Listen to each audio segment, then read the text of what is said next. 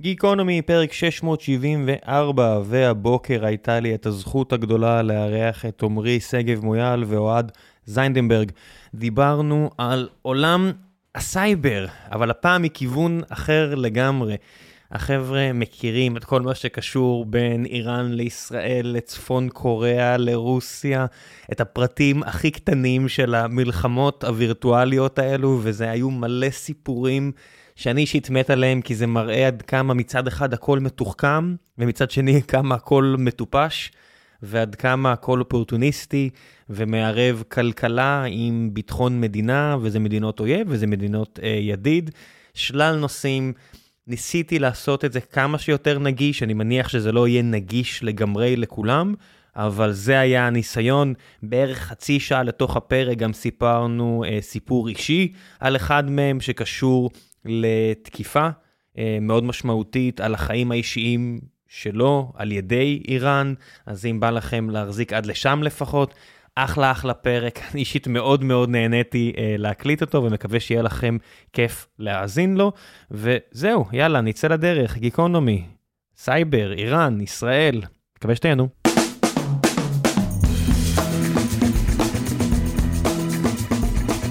גיקונומי פרק 673 והבוקר יש לי הזכות לארח את עמרי שגב מויאל ואוהד זיידנברג. אתם רוצים להציג את עצמכם? כי לא הצלחתי להיסגר על איך אתם רוצים שאני אציג אתכם. כן, אני אתחיל. אז עמרי שגב מויאל, אני המנכ"ל של חברת Profero, חברה שמתמחה בטיפול בתקריות סייבר מהצד הטכני.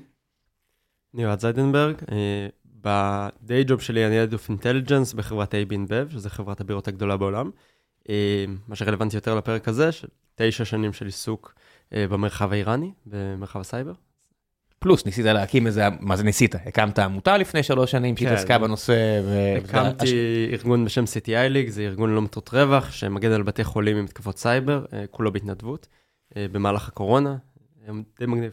ניסיון זה understatement, ניסיון מאוד מוצלח. כן, זה חלק שדווקא עניין אותי כשהסתכלתי על זה, וזה חלק שגם מעניין אותי שהיה פה, נגיד דן עמיגה וכל מיני חבר'ה כאלה, אז עניין אותי.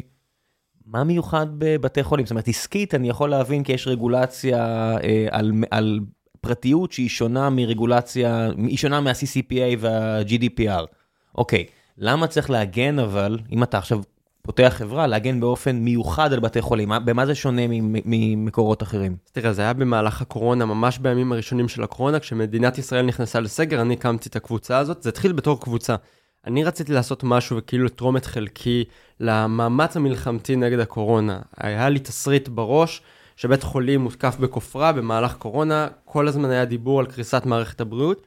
אמרתי שאם יהיה אירוע כזה נגד בתי חולים, זה ייגמר באסון, זה ייגמר באנשים מתים. עכשיו, יש לך מתקפות סייבר נגד ארגונים שגונבים מידע, לפעמים הרסניות מאוד, שהארגון יכול להתאושש מזה או שלא, אבל בסוף הוא ארגון עסקי. ברגע שמעורב חיים של אנשים, אני לא יכולתי להישאר על הגדר והייתי חייב לעשות משהו. אז פניתי לחברים, הקמנו את הארגון, הארגון הזה באמת התפוצץ, תוך חודש ומשהו הגענו ל-1,500 מתנדבים, וזה היה אירוע מאוד גדול, כי היה המון מתקפות סייבר נגד בתי חולים בקורונה. הימים הראשונים, כל קבוצות הסייבר הגדולות, למשל קבוצה בשם Maze, הודיעו שהם לא יתקפו בתי חולים.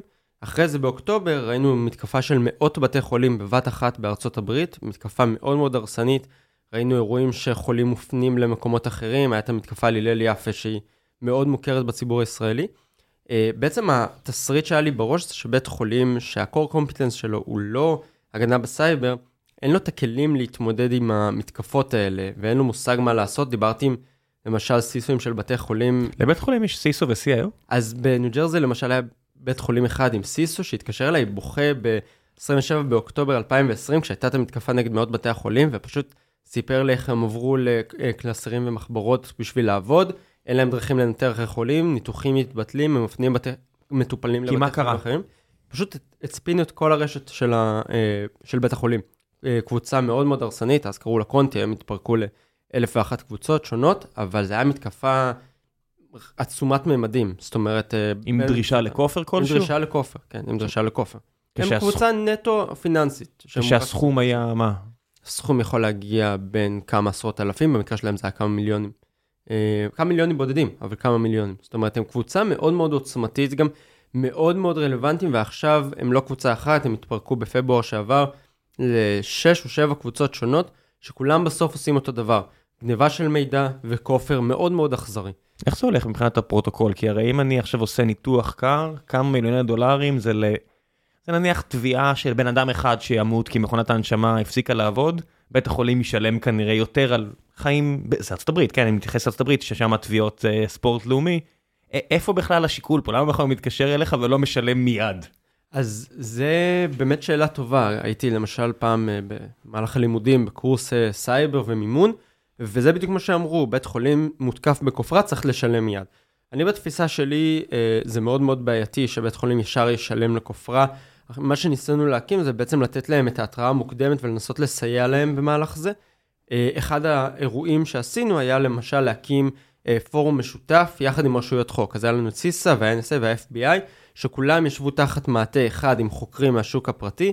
אחרי זה תרגמו את זה גם ל-Ransomware Task Force שממש ישב בסיסה, ומשהו שממוקד אה, בקוביד. יש אה, רגולציה סביב, נגיד, אני לא יודע, אני הייתי נגיד שנתיים בבנק, אז בבנק, ובטח אה, שאתה מקושר לבנקאות אמריקאית, יש ממש חוקים. זאת אומרת, אם היה ניסיון, אתה חייב לדווח אותו, אם הייתה פריצה, אתה חייב לדווח את זה, יש רגולציות שאם אתה לא עומד בהן, אתה liable בתור אה, C-Level בבנק. איך זה עובד במערכות רפואיות? אז במערכות רפואיות יש עכשיו רגולציות שנכנסות, היינו גם שותפים, השותף שלי מרק רוג'רס בארצות הברית, היה גם שותף בניסוח כאלה. אני חושב שהרגולציה הכי משמעותית שהיה, ואת זה רואים ממש בצ'אטים של תוקפים שהודלפו לאחרונה. איפה, איפה הדבר הזה מתבצע? מדברים ב-ICQ, ברדיט, איפה הם מדברים בחבר'ה האלה? אז הם דיברו ספציפית באפליקציה בשם אלמנט, היה לנו גם ג'אבר של קונטי, אותה קבוצה שפרס, שאמרתי, שהוא תקיף את כל בתי החולים שהודלף, זה מודלף בטוויטר, ואז אפשר להוריד את הקבצים ולנתח את ההדלפות. הקבוצה הזאת שנקראת יאנלואנג, אה, כשאנחנו מנתחים את ההדלפות שלהם, הם אומרים ממש, רנסומר נהיה עסק לא רווחי. למה? בגלל אה, רגולציה של אופק, שבעצם אומרת שאתה לא יכול לשלם כופר למדינות שהן תחת סנקציות, אחרת זה ייחשב אה, כמימון טרור והלבנת הון. עצור, תסביר לי מה קורה פה. רנסומוור, אני אה, מצפין אה, מידע על דיסק קשיח או בענן, לא משנה מה, מצפין אותו בצורה שהיא נורא נורא קשה לפיצוח, משמע אם לא, אם לא תביא לי כסף ואני אביא לך את המפתח, הדאטה שלך, המידע שלך נעלם. ויכול להיות שזה מידע מאוד רגיש. לא איך הדבר הזה ככה. לא יהיה אה, רווחי? אז לא תמיד זה ככה. קודם כל, אם אתה לא משלם, אז זה ממש בעייתי. עכשיו, במהלך המלחמה בין רוסיה לאוקראינה, ראינו שברוקרים, אני מתעסק בעולם המודיעין, אז מכאן האוריינטציה לזה. ראינו שברוקרים שעשו חלפנות כספים בשביל קבוצות הכופרה, נגיד הפסיקו לעשות את זה. למה? כי הם מפחדים מסנקציות. הם מפחדים בעצם מהאירוע של רוסיה ואוקראינה. חלפנות כספים ממטבע למטבע, מקריפטו למטבע? כן, בעצם אתה משלם לקבוצת הכופרה והם צריכים להוציא את זה החוצה.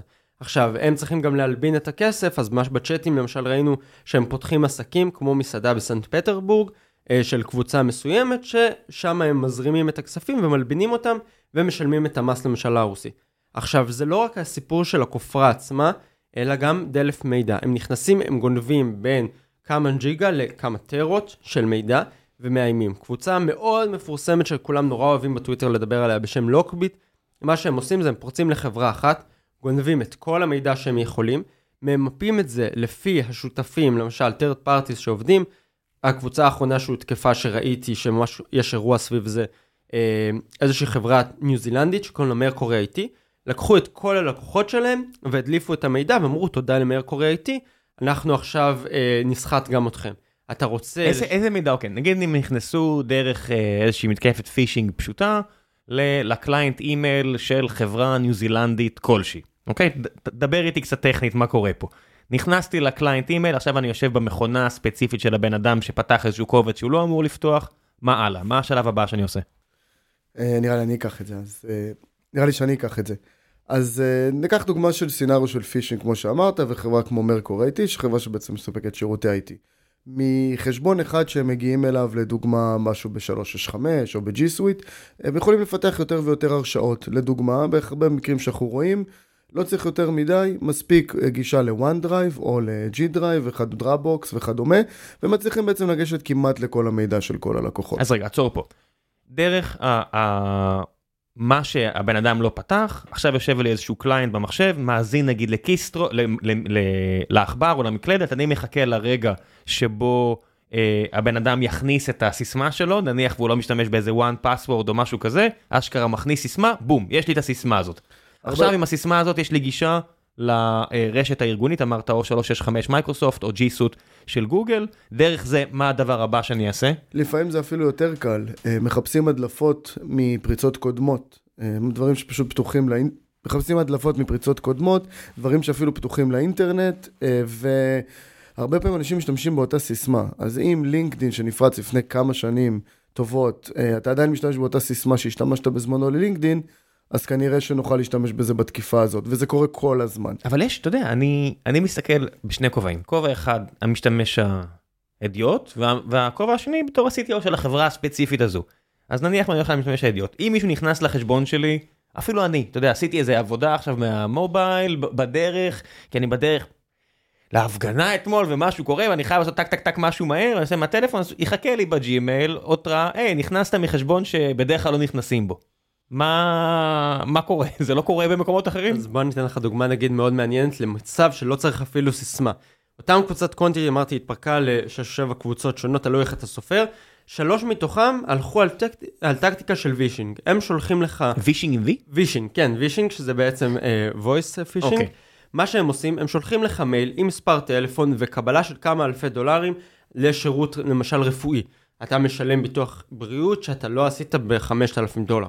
זה המון כסף. אתה נבהל, אתה מתקשר למספר, אין שום דבר malicious באימייל הזה, אין שום צרופה, שום דבר. אתה מתקשר למספר, שם הם אומרים שאתה עכשיו אה, נפלת לאיזשהו עוקץ, תוקפים, משתמשים במידע שלהם והם מכירים את זה, הם יעבירו אותך לתמיכה הטכנית לחברה שמנהלת את האירוע. אתה תעבור, בעצם תעמוד בהמתנה, שאין באמת המתנה, זה אותם אנשים. אנחנו שומעים למשל שיחות שפעם אחת עונה לנו הבן אדם הזה ופעם שני עונה לנו הבן אדם הזה, ואז הם מתחלפים בתפקידים. במהלך האירוע הם יגידו לך שכדי לבטל את המנוי, אתה צריך להתקין תוכנה שהיא לגיטימית לגמרי, למשל תוכנה בשם אתרה, שכל אחד יכול להשתמש, כולם מקבלים פרסומות ביוטיוב אליה.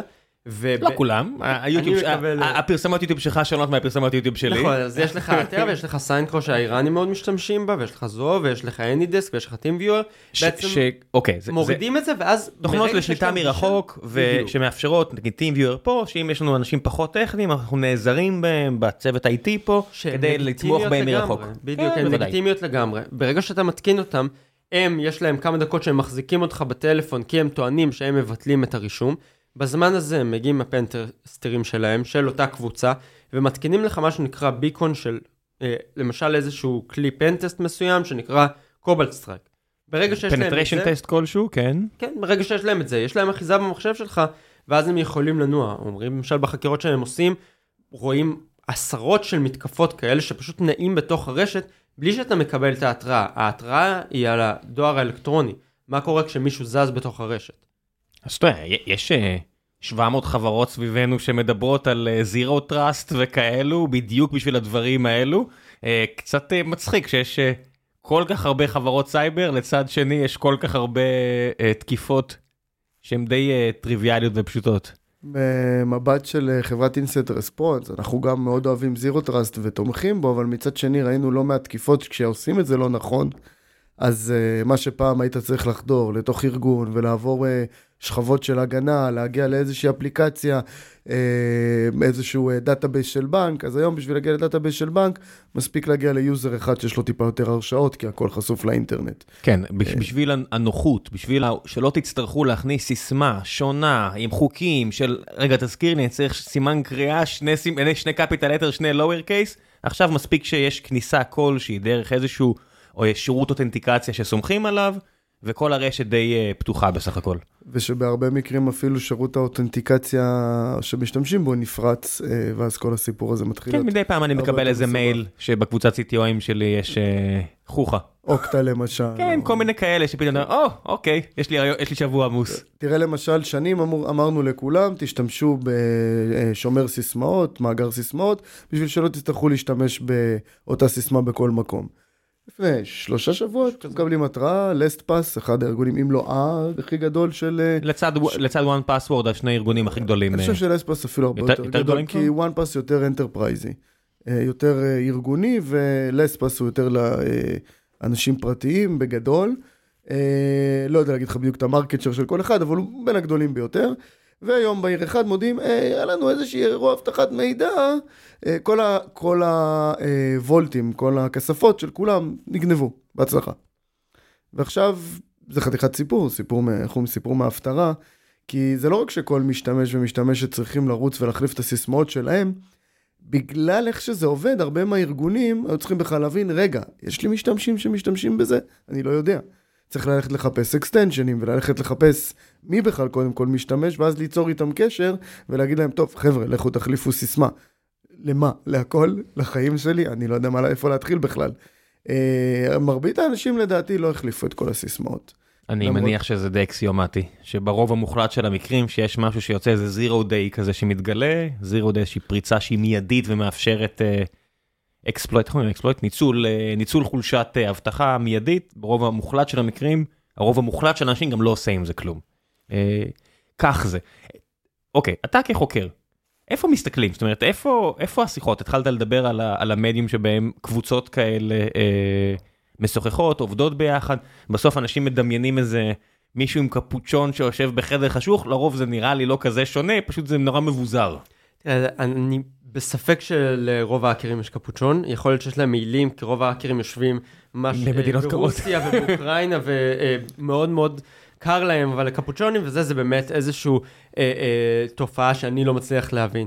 אבל איפה מחפשים מידע, אז יש לך המון פלטפורמות. אז את הצ'אטים למשל עצמם, הרבה פעמים זה ילמד אותך את ההתנהגות שלהם. בצ'אטים של קונטי למשל שהודלפו, היה לך הרבה מאוד מידע על איך הם לומדים בכלל hacking, ואיך הם מכשירים את הצוותים שלהם. בצ'אטים של ינואנג ראינו על הקשרים. תספר קצת, כי אתה יודע, זה, זה, אני מניח שזה מאוד שונה מהכשרה שעוברים בקורסים כאלה ואחרים אה, בתחילת אה, שירות צה"ל אה, מסוים. אז דווקא תופתע, זה למשל היה להם ספרים שלמים של Pentest Academy, שכל אחד יכול לגשת לזה. הם עושים בסופו של דבר, הם לומדים hacking אותו דבר, הם מנהלים את אותם שיחות בפורומים שלהם. הם גם יש- מתבאסים על הגרסה האחרונה של C וכאלה. כן, כן, למשל אה, היה את העדכון, למשל במקרואים של מייקרוסופט, איזושהי פעולה שמייקרוסופט עשו, ראינו דיבורים על זה. ראינו אה, ברגע שקפץ אה, זו, שזו אפליקציה מרכזית שהם משתמשים בה, זה התחיל להתפרסם בכל מיני חברות אבטחת מידע. הם דיברו על זה ואמרו, אנחנו צריכים לשנות את המוצר הזה עכשיו. זה משהו אחד שאפשר לדבר יש עליו. סיכוי שזה שאתה יודע, סיגינט. בסופו של דבר ארגוני אה, ביון ברחבי העולם השקיעו הרבה מאוד כספים גם בלשים, להכניס אנשים לכל מיני מקומות, מדאעש וככה לעניות דעתי מצאו שדאעש רוצה לשים אה, לפטופ אה, שיכול להתפוצץ, כמו שקרה פעם בקולומביה, אז חשבו שזה יכול לקרות עכשיו עם, אה, עם הדברים הערבים, ואולי טראמפ שרף את זה בשידור ישיר, לא יודע מה, כל מיני שמועות כאלה ואחרות נניח. אז אין סיכוי שיכניסו גם מישהו לשם? בוודאי, יש את כל הנושא של HUMINT, עכשיו אתה לא צריך להיות פיזי שם. ברור שלא, כי גם הם לא פיזית שם, מה זה שם? קח למשל את מלחמת רוסיה-אוקראינה, הרבה מדברים, נורא אוהבים לדבר בכל מיני פורומים על הקרבות בין רוסיה לאוקראינה במלחמת הסייבר. ממה שאנחנו רואים למשל, יש לך האקרים שהקבוצה התפצלה לשתיים. יושבת חלק ברוסיה וחלק באוקראינה, ולמשל היה אירוע שהיה הפסקות חשמל באוקראינה, ובוטנט מאוד מאוד גדול לא עבד כמה ימים. עכשיו, האם זה צירוף מקרים? יכול להיות ויכול להיות שלא. אה, אז באמת מקום אחד לחפש את זה, מה שאמרתי, זה יותר נגישות סיגינטית. זאת אומרת שאתה מגיע לקבוצה, וזה קצת נע בתחום האפור. יש לך נגישות יומינטית, שאתה ממש, מישהו מחדיר מישהו לקבוצה, או נמצא בפורומים, זה יכול להיות פורומים שלכולם יכולה להיות גישה אליהם בתמורה לתשלום, או פורומים שהם קצת יותר נגישים. כשהפורומים, שוב, מדיום, זה לא רדיט. לא, זה לא רדיט, יש לך אבל פורומים שהם גם לא בדארק ווב, הרבה מאוד אנשים אוהבים להגיד פשוט שרת dark web, פרטי שאני מרים ופשוט נדבר עליו. אתה יכול גם ממש לגשת לזה מגוגל. Uh, הקבוצות היותר מעודכנות, קח את לפסוס שהיו שנה שעברה, ועשו בלאגנים למייקרוסופט ואוקטה שציינת. והם כולם הם קבוצות דיברו שרוסים? בטלגרם. לא, הם דווקא... כמה ילדים מאוקספורד. כן, זה כמה ילדים ילדים מאוקספורד. בריטים? אז זהו, זה... אחד מחלוקת. ספרדי, אחד בריטי. אחד ברזילאי, זהו, כן. ברזילאי לטענתי, אבל זה באמת קשה להגיד, מי שנעצר, המפעיל המרכזי נעצר באוקספורד. ילד, כאילו בן 17. מה, כאילו ועכשיו צריך להחליט אם להכניס אותו לכלא או לגייס אותו ל-MI6? זהו, שזה מאוד, כאילו, אנשים נורא הופתעו ועושים... אה, למה הופתעו? זה לא. זה אחרי 30 שנה של אותו סיפור חוזר 80 פעם, עדיין מופתעים? זהו, וגם אה, אתה חושב תמיד, הרבה מאוד אנשים, שזה ביקורת שיש לי ולכמה חבריי, על ההתעקשות האובססיבית לדבר על כלים.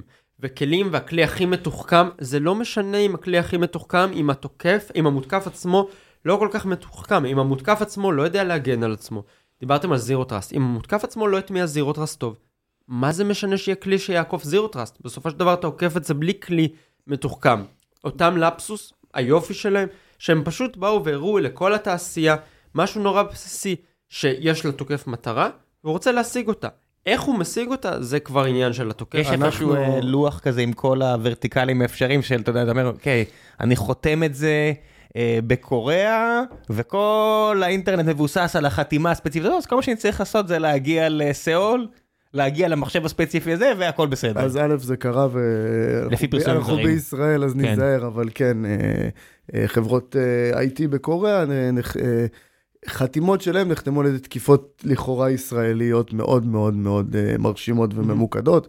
אחת מהן הייתה על קספרסקי, שוב, לכאורה על פי פרסומים זרים. נכון, הכל פרסומים זרים. אמ, וזה קרה, זה קרה לא מעט פעמים, אבל אה, אני דווקא רוצה, אם העלינו כבר את לפסוס והחבר'ה מאוקספורד וכדומה, דווקא בתור צוות שחקר תקיפות שלהם בלייב, אחד הדברים שממש... עוד לפני, סליחה שאני מוסיף, עוד לפני שהם בכלל התפוצצו, שזה היה כן. נכון, אמ, ורק בדיעבד בחלקם אפילו גילינו שזה לפסוס, כי הצלחנו לעצור אותם בזמן. מה שהיה מאוד יפה, מעצבן, שנוא, כל אחד מאיזה נקודת מבט שנסתכל על זה, התעשייה הסתכלה על קבוצות הרנסום, על ה-nation state attackers, וכולם עבדו לפי כל מיני טבלאות מאוד uh, מסודרות, שככה עובד תוקף, וככה צריך לעשות, וככה נזהה אותו, ואלה החתימות, ובא איזה ילד, בלי חוקים, בלי מסגרת, עושה מה שבא לו, משתמש בכלים שהוא קרא בדוקומנטיישן, וקרא אותם טוב, ופשוט תקף בצורות חדשות, שלא כן. כל כך הכרנו. זה היופי שיכול להיות תעשייה של טריליון דולר, ובסוף יש מפתח, מפתחת בינונית או מפתח בינוני אחד בחברה גדולה שהכניסו קוד בלי שיעברו על איפה שצריך, והאקרית אחת בספרדיה באוקספורד שתמצא את הפרצה הזו ונגמר, וכל המגדל קרס. וזה היום אפילו יותר uh, מסוכן, כי אותו מפתח אפילו צריך לכתוב קוד, או DevOps, פשוט uh, משנים bucket באמזון, פותחים אותו קוד. לעולם. מה זה משנה אם כן. זה YAML, ZAML או XML, זה לא באמת ממש. משנה. בסוף זה קוד ו- וזה instruction לאיזושהי מכונה, ותשאיר פורט פתוח ומישהו כבר ידע... קח את רוב קבוצות הכופרה, אתה עובר על דוחות שלהם, בסוף אתה מוצא שזה more of the same. זה כאילו, התקיפות שלהם הם more of the same, ואתה שואל את עצמך, למה לא מצליחים לעצור את זה? בסופו של דבר... את הרוב המוחלט להגיד- כן עוצרים, בוא נגיד את האמת את גם. הרוב המוחלט כן עוצרים. למה לא עוצרים את הגדולות? גם צריך להגיד שזה לא כזה קל לעצור מתקפת סייבר, זאת אומרת, זה לא שאנחנו עומדים כן, חניתות כן. בתוך, אה, אה, בתוך ה SOC ומחכים שיהיה מתקפת אה, כופרה. אה, הרבה פעמים אתה לא תשים לב בכלל שקורה משהו, קח טקטיקה נגיד שקוראים לה password spray. אתה עושה אותה מרסס, אתה בודק, תספר קצת מה זה? למי שלא מכיר. password spray זה בעצם אתה מנסה לקחת קבוצת סיסמאות ולנסות להתחבר אה, לכל מיני אה, יוזרים ולמצוא האם ה user הזה... אה, הרבצת פה ב-ASMR לא. עכשיו, אתה יודע. לא נורא, לא, אני אוהב את זה.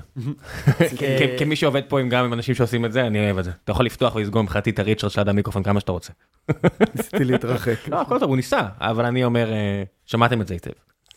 בקיצור, אה, אם אתה עושה מתקפה ואתה מנסה לבדוק אלף יוזרים, ה SOC ישים לב לזה. אתה מנסה לבדוק שני יוזרים. ל SOC יש כל כך הרבה התראות, במיוחד בארגונים SOC גדולים. למי שלא מכיר. SOC זה Security Operation Center, בעצם מי שאחראי להיות אה, הקו הראשון של ההגנה. זאת אומרת, הוא מי שמנטר את ההתראות, הוא זה שיושב על המערכות הגנה, ובעצם מקבל את כל מה שקורה בארגון, אם יש לארגון יכולת לראות את זה. כן, עכשיו- ה dashboard של כל הדשבורדים. אם יש ש- עבודה כן. מעייפת בסייבר, זה זה. כן, זה הדבר. הכי כן. מעייף אתה שיכול רוצה להיות. לדעת מה זה מעייף? תהיה משקיע סייבר שמקבל 20 חברות שמציעות אה, כלים ל SOC כל יום. כן. והוא לא מבין בכלל למה צריך עוד אחד. אם מדברים על כלים, אז אחד הדברים שאנחנו בין שונאים או אוהבים, זה שרואים כל הקבוצות תקיפה שאוהד דיבר עליהם עכשיו, אין אחת שלא משתמשת בכלים שהם של חברות לגיטימיות. זאת אומרת, Cobalt St... תג- תגדיר לגיטימיות. לגיטימיות, לגיטימיות חברה לגמרי. אמריקאית... NSA לגיטימי? לגיטימי, לא? חברה, אנשים הוא עובדים לא בחברה. מדבר לא, לא, לא, אני מדבר על חברה של off the shelf, Cobalt Strike זה לא כלי שהם משיגים בדארקנט, למה, פגסוס. זה כלי שמשיגים בדארקנט? זה יותר קשה להשיג פגסוס. מ Cobalt Strike. היום אתה יכול ללכת וחברה עוד אתה נמצא בארצות הברית, אתה יכול לקנות Cobalt Strike וזה כלי לבדיקת אבטחת המידע. כן, אני יודע. מציעים לי את זה הרבה. כן. כן, אה, ו- penetration test, מה שאתם שומעים פה, כמי שאחראי טכנולוגיה, אתה מקבל הרבה מאוד הצעות כל הזמן. מתי פעם אחרונה עשית pen test, penetration test, וה set כלים שמשתמשים בהם, אתה יכול לבחור שמישהו אחר יעשה את זה, או שאחד מהחבר'ה של הסייבר או IT בתוך החברה יקנה רישיון לכלים האלה ויבדוק על, עלינו. נכון, והקבוצות תקיפה באמת משתמשות בכלים האלה. נדיר שאנחנו רואים את קבוצות הרנסום שמשתמשות בכלים שהם ייצרו בעצמם, יכול להיות בחלק קטן מהתקיפה, אבל ברוב הפעמים פשוט משתמשים בכלי מחקר האלה כן, למיניהם. כשהכלים האלה בסופו של דבר מחפשים פרצות שהן נורא אה, ברורות. זה למשל יכול להיות פורטים, ולא ניכנס לבדיוק מה זה פורטים, לא, לא, לא ניכנס פנימה, נוותר, אבל פורטים שהם פתוחים, מישהו לא קינפג משהו ב, בענן, בסופו של דבר הרוב המוחלט של כל החברות הולכות על הדברים הכי אה, ברורים מאליהם. יש דברים שאני מסתכל מהצד, אני אומר טכנולוגית, אני אומר וואו זה פאר היצירה, זאת אומרת אותו כלי של אה, NSA פגסוס, באמת טכנולוגית, NSO. NSO סליחה, כן. NSA זה השירות ביון האמריקאי. להם יש כלים אחרים. נכון גם, ו- ואני בטוח שהם היו גאים, אם היו מוצאים כלי כמו פגסוס, מישהו שם היה מקבל את הפרס על ביטחון ארצות הברית, כמו שהבחור פה, מי שלא עשה את זה אצלנו, באמת מגיע לו עוד דוקטורט מהטכניון או פרס לביטחון ישראל, רק שהוא מכר את זה לארגון, לכל מי שרצה לקנות. או- או כלא. כן, זהו. או כאלה, אבל זה, זה באמת טכנולוגית דברים שהם באמת פאר היצירה, בניגוד להרבה דברים שאנחנו מדברים עליהם עכשיו, אז- זה פשוט לסרוק פורטים פתוחים. זהו, אז זה היופי מבחינתי בסייבר, שהרבה מאוד אנשים, בעיקר אנשים שמתעסקים באמת בתחום של המלוורים, יסתכלו על נוזקה והם יגידו, זו נוזקה מ- מדהימה, פגסוס זה נוזקה מתוחכמת מאוד. קח לך את Stuxnet שהיה כבר לפני יותר מעשור, זה נוזקה שהיא מרהיבה, זה wiper שהוא מטורף. פרס. ישראל, לא? לפי פרסומים זרים. לפי פרסומים זרים, בדיוק. לכאורה. כן. אה, אבל בסוף, אני מסתכל על מה קורה בשטח, זה מה שמעניין אותי. אני מנסה לארגן, להגן על הארגון שבו אני עובד, או על ארגונים אחרים שבהם אני מתנדב. שמה, לפעמים הנוזקות המתוחכמות האלה לא רלוונטיות בכלל. יש לך את הצפון קוריאנים שעשו פה מתקפות בישראל, הם השתמשו בכלים די פשוטים כדי לחדול לתוך ארגונים ביטחוניים, למה- לנסות. למה הם עושים את זה? אז הצפון קוריאנים יש הערכות, אני כמובן לא מדבר עם קים ז'ון גון בפרטי, אה, אבל יש הערכות, קודם כל הרבה מאוד כסף שנגנב ומממן את תוכנית הגרעין שלהם. דבר שני, הם גונבים IP, ברגע שיש לך סנקציות מאוד גדולות על מדינה כמו צפון קוריאה, הם צריכים להשיג מידע, איראן עושה בדיוק אותו דבר. איראן אפילו נכנסת לגופים רפואיים במהלך הקורונה. אנחנו חושפים איזושהי מתקפה בחברה הקודמת שעבדתי בה, אה, חברה בשם קלירסקאי. אה, שהם תוקפים חברת תרופות בשם גיליאד, שאז פיתחה את התרופה לקורונה בחודש מאי אה, 2020. וזה, מנסים לגנוב מידע. אז כשצפון קוריאה עושים את זה נגד גופים ביטחוניים, או שאיראן עושים את זה נגד גופים ביטחוניים, הם לא צריכים את הנוזקה הכי מתוחכמת או את האקספלויט זירו דיי מטורף. הם יכולים לקחת לך אה, איזושהי חולשה שהתפרסמה לפני כמה חודשים, אה, עמרי יודע בדיוק על מה אני מדבר, אה, ולנצל אותה חולשה של אותה חברה, ואם תתפרסם עוד חולשה, הם ינצלו אותה. להיכנס, לרסס כלי שהם מצאו בגיטאב, וקצת שינו את הקוד שלו טיפה. לא כלי מתוחכם מדי, לא כן. כלי שהוא איך מטורף. העולם מתפתח? פעם הם פשוט היו פותחים חברה בשם טוגה נטוורקס ומעסיקים אנשים במשכורת כפולה מ-ECI ולוקחים את המידע בקלות. עכשיו, אה, אתה יודע, סליחה, אל תתבעו אותי, סתם היה דברים לך ששמעתי. חברות קש שפעלו אה, קבוצה בשם פין 7, קבוצה גם אה, שמקורה ברוסיה, שהיה לה סניף בחיפה. אה, תחת אה, שם אה, שוב, לפי. פרסומים- זרים וזה, אני חושב שזה היה בבית משפט, כן. לא? אל תתבעו אותי על טוגה, כן. זה סתם, אני בטוח שאתם סינים חמודים, לא... אבל אם כן. העלית כבר את הנושא של האיראנים, אנחנו רואים דווקא מגמה קצת שונה, ואחד הדברים שרואים בשטח, אחרי הרבה זמן, זה שכל התקיפות שמפורסמות בדרך כלל, והכלים ושהם משתמשים, זה כי הם בכוונה עושים downgrade לעצמם. מה זה אומר? הם רוצים שתחשוב שאתה לא, שהם לא כאלה טובים, הם רוצים שתחשוב שאין להם כלים חדשים, אה, והם בדרך כלל במקומות, בעיקר במקומות שראינו של קמפיין של השפעה, שהם ידעו שזה הולך להתפוצץ ויהיה פרסומים, הם ידעו מאוד טוב מה הם עושים, שם הם לא השתמשו בכלים מתוחכמים.